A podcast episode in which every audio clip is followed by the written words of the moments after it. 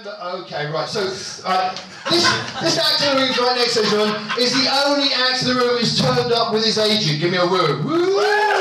So I imagine if he's brought his agent along, right, that obviously clearly his agent's trying to sort of vet him for maybe some movie role or something like that, or maybe a big comedy special on the BBC, something like that. So we're all privileged to be in his company. Isn't it? Uh, so if any of other comedians are feeling jealous, you should do because you know stuff, right? Reasons, right? Because he's got, he's got his agent with him, right? He's got, you know, so anyway, let's get this guy on. Let's find out what he's going to say. Why would someone come to a night like this, a fabulous night like this, and bring his agent? All right, so here we go, everyone. Ready, his manager. Here we go, everyone. Ready? After three, massive applause. One, two, three. Yes!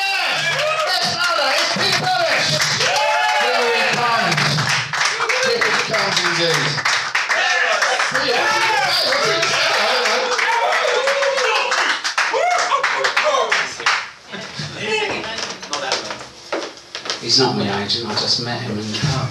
Um, the, the other night, talking about pubs, I was, uh, I was in the pub and uh, my friend said to me, uh, Do you mind if I ask you a question? And quick as anything, I said to him, You just have. God, did we laugh? Um, he said, No, mate, um, you know, can I, can I ask you a personal question? Um, I said, well, we, we, we've, we've known each other for decades. Of course you can ask me a personal question. What's your name again? It's like that all night, banter. banter.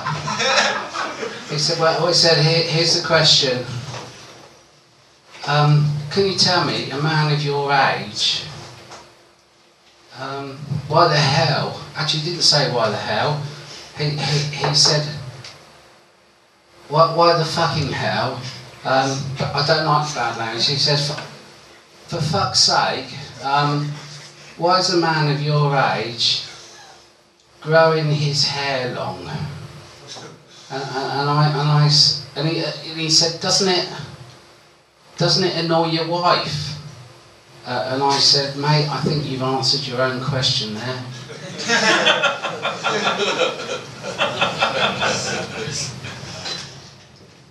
Made me laugh. Um, when, when, when you first, um, when you first, um, when you first married, um, it, it's those little things that your partner um, says and does that just makes you love them so much, you know. And you, you do little things for them in return. Like my, my wife had a bath, I would I would sprinkle beautiful fragrant red rose petals into the bath.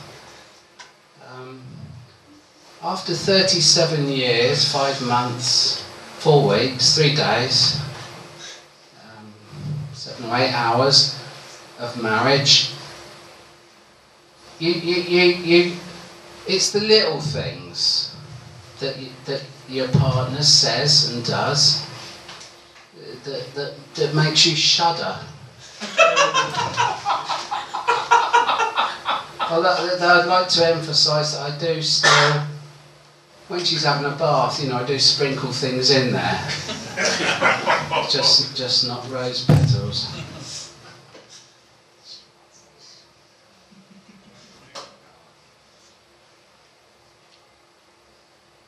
Course, I'd never leave her, and I'm sure this next joke's never been done. I'd never leave her. They'll, they'll just make her so very, very happy. I think that's probably been done before, actually. Um, you, you know, there's things in life that, that I don't understand, and um, I, and I don't want to understand. Um, they're, they're mysteries to me, and if, if you know the answer to any of these, don't tell me, and I'm never going to Google them. At my age, any mystery you can get is, is a bonus. Um, for example, that that strange thing you see, that perverted, queer, strange, deformed letter, G, in printed material. It's, it's like it's like that, you know. As the young people say, What's all that about? Um, I, I, I, I don't I don't know. I don't want to know. Um, and then there's that other thing. Um, I'm walking down the street in the morning, um, and on the pavement there's a there's elastic band, and I pick it up. And there's another 20 yards. There's another elastic band, and I pick it up. Another 20 yards. There's an elastic band. I pick it up. When you when you're in your 60s, these are the kind of things you do. Um, so you pick them all up, and the next morning you get up, and there's an elastic band and then another 20 yards, there's another elastic band. You, you can see the picture here that I'm developing. Another, tw- well, you, I've covered it now, haven't I? You, you pick them up and you, you take them home and you think, well, this is a mystery. Spoiler alert, it's the postman. Packages of letters, they just throw them there. See, I know that one already. Uh, and, and, and another thing, you wake up in the morning, if you're lucky at my age, and you go, you go uptown and you notice that suddenly, mysteriously, all over town, all these posters have appeared, plastered everywhere for a fun fair. And, and you think, how does how has that happened? You never see the people doing it, and it includes on abandoned shops windows on the inside.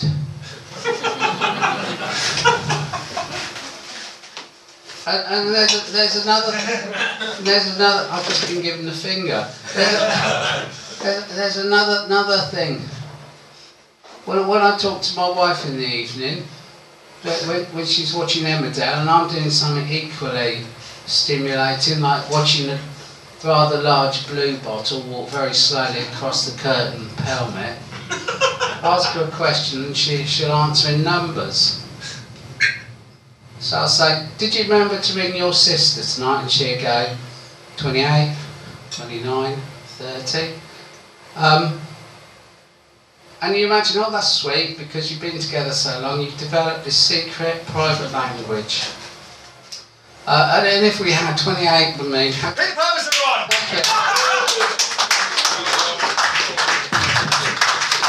So he goes back into the comedy, but back to his agent, stroke manager, stroke closely in the pub. One more time, a Peter Purvis, yeah! And I think you'll find that for the rest of us, we've all got something to look forward to now in our 60s, haven't we? Now, I think that really is something. The elastic bands, particularly, where have they come from? Now we know it's the postman. One more time for Peter, yeah, come on, yeah! That's it, that's it. Okay.